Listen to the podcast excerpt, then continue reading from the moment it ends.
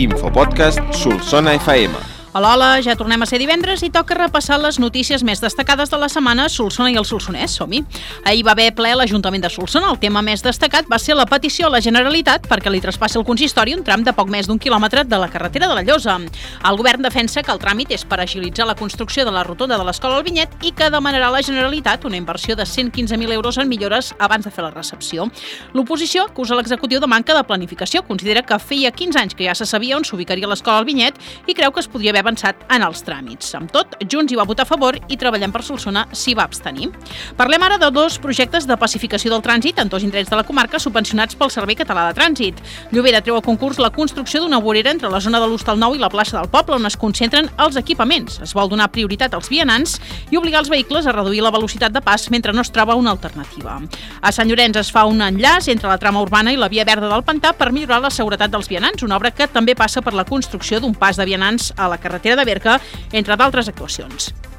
Encara a Sant Llorenç s'han posat en funcionament plaques solars a l'edifici de l'Ajuntament per fer-lo eficient energèticament i reduir la factura de la llum.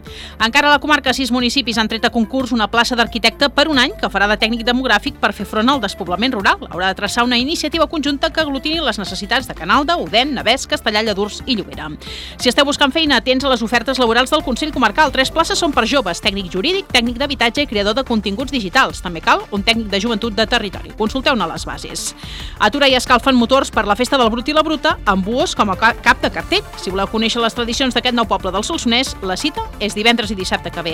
I si us agrada més una lectura tranquil·la que la festa, també tenim una opció per vosaltres. L'escriptor solsoní Raül Garrigasait acaba de publicar una obra coral juntament amb altres pensadors catalans. A part què pensar d'Edicions 62 reflexionen sobre què implica pensar avui en dia a través de diferents idees en un món cada vegada més accelerat i digital.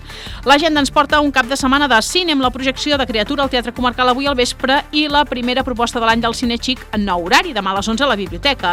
Demà és un dia tapaït de convocatòries dues de polítiques. Esquerra porta Ernest Maragall a la biblioteca i la CUP organitza una taula rodona sobre habitatge cooperatiu a la Sala Cultural de l'Ajuntament. Demà a la tarda a les 6, Fènix comemora el Dia Mundial contra el Càncer a la plaça de la Catedral i a les 7 a la biblioteca Òmnium organitza la presentació de la darrera novel·la guardonada amb el Premi Ramon Llull. París amb nosaltres d'Andreu Claret. Informació de servei. Aquest cap de setmana la farmàcia de guàrdia és la del passeig. El temps del cap de setmana serà estable i assolellat, amb temperatures una mica més baixes que els últims dies, però encara molt per sobre de la mitjana. Això és tot. Fins la setmana que ve.